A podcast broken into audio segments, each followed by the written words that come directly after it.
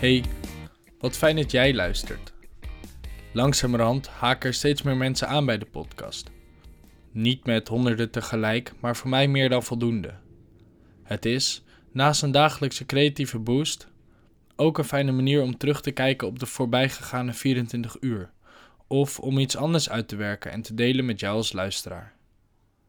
Als jij dit luistert, dan is het maandag, of daar al voorbij. Wie weet hebben we het gewone leven weer opgepakt als jij dit beluistert. Alhoewel, hoe gewoon was het leven eigenlijk? Vandaag bestaat de podcast uit drie delen. Deel 1 neem ik op vanuit mijn slaapkamer. Dat is nu. Ik zit aan mijn bureau. De zon schijnt vol op mijn kamer binnen en ik heb zowel het zwemmen, de meditatie als een kleine workout achter de rug. Deel 2 is een stuk dat ik heb opgenomen voordat ik het water inging.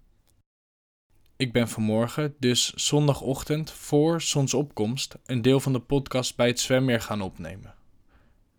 Deel 3 is een geluidsopname die ik heb opgenomen met mijn telefoon, dus de kwaliteit zal ongetwijfeld minder zijn. Echter kon dit niet anders, omdat ik op het moment van opnemen tot aan mijn kin in het ijskoude water stond. Laten we eerst gaan naar deel 2. De opname aan de oever van het Duinmeer. Het is zondagochtend. Vroeg in de ochtend. Waarschijnlijk lig jij nu nog te slapen. De lantaarnpalen waren nog aan. Daar had ik niet op gerekend. Mijn fietslichtje lag nog thuis in de keukenla. En ook mijn portemonnee had ik niet op zak. Gelukkig was er niemand op straat. De wereld sliep nog. Ik stap van mijn fiets en zet het brede voorwiel van mijn stalen ros in het gultje naast de trap. De traptreden zijn net te groot om elke keer één stap te maken en net te klein om elke keer twee stappen te maken. Dan maar in de vorm van huppelen naar beneden en de weg onderdoor. Achteraf had dit niet gehoeven omdat het werkwoord autorijden nog niet in de praktijk was gebracht op dit uur van de dag. Eenmaal bij het zwemmeer besluit ik naar de andere kant te lopen. Het water staat hoog en af en toe is het pad onder water. Met half zicht door de schemer wandel en klauter ik langs de oever van het meertje tot ik bij het strandje aan de overkant kom. Er zitten drie mensen: vader, moeder en kind. Tenminste, dat gok ik. Het ziet er avontuurlijk uit hoe zij op de vroege zondagochtend aan het ontdekken zijn hoe de zon vandaag op zou komen. Ik weet dat er, als je achterlangs loopt en een klein paadje doorgaat, nog een grasveldje aan het water, in de zon en uit het zicht is. Ik leg mijn kleedje neer, start mijn laptop op en neem dit eerste deel van de podcast op. Nu ga ik me omkleden om een duik in het spiegelgladde meer te nemen.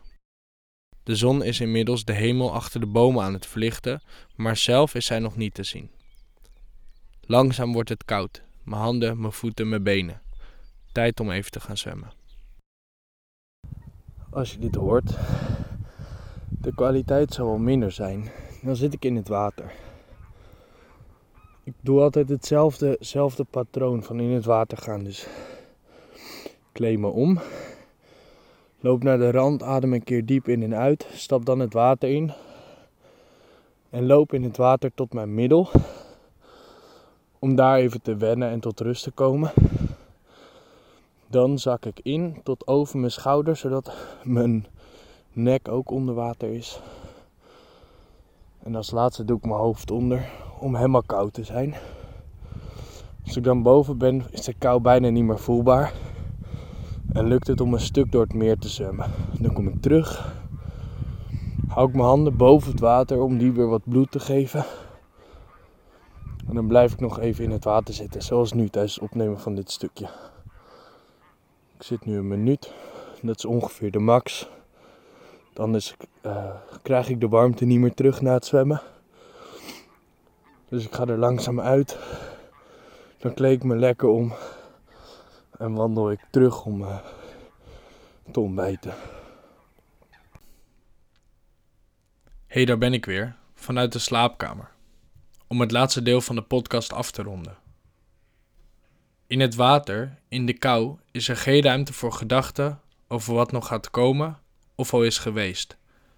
Ik heb veel focus en aandacht nodig om bij mezelf te blijven en mijn ademhaling onder controle te krijgen. Ook onder de douche is dit te merken. Zodra de kou over mijn rug stroomt, snakt mijn lichaam naar zuurstof. Mijn hartslag gaat omhoog en mijn bloed gaat sneller stromen. Er komt adrenaline vrij. Het lichaam maakt zich klaar om de kou te trotseren. Vanaf het moment dat het lukt om mijn ademhaling onder controle te houden, vanuit mijn buik grote teugen lucht waarbij ik vooral goed focus op het uitademen en weer ontspannen, begint het koude water zijn vruchten af te werpen. Ik heb het dagelijks minder koud en ook mijn handen en voeten zijn gewend zichzelf weer op te warmen. Best een voordeel tijdens het fietsen in de winter. Ook maakt mijn lichaam bruin vet aan, wat gebruikt wordt om het lichaam van binnenuit te verwarmen. Normaal verdwijnt dit als we opgroeien als kind, vooral omdat het niet nodig is in woonkamers die altijd netjes 20 graden zijn. Door het trainen van de eigen warmtehuishouding van het lichaam en het feit dat opwarmen energie kost, kan het ook zo zijn dat koud water zwemmen zorgt voor het kwijtraken van kilo's. Maar los van alle feiten die vandaag de dag op internet veel worden onderbouwd en ondersteund door wetenschappers, geeft het mij elke dag een gevoel van overwinning en een lichte vorm van zowel sterfelijkheid als onsterfelijkheid. Want als het me lukt om in de ochtend onder de koude douche te stappen of richting de duinen te fietsen en het water in te lopen, dan is de rest van de dag appeltje eitje. Mocht je een klein beetje nieuwsgierig worden, neem een keer een koude douche. Je zal er niet op achteruit gaan. Focus op de ademhaling, vooral goed uitademen en geef ook goed aan waar de grenzen zijn. Het hoeft de eerste keer niet perfect. Tot morgen.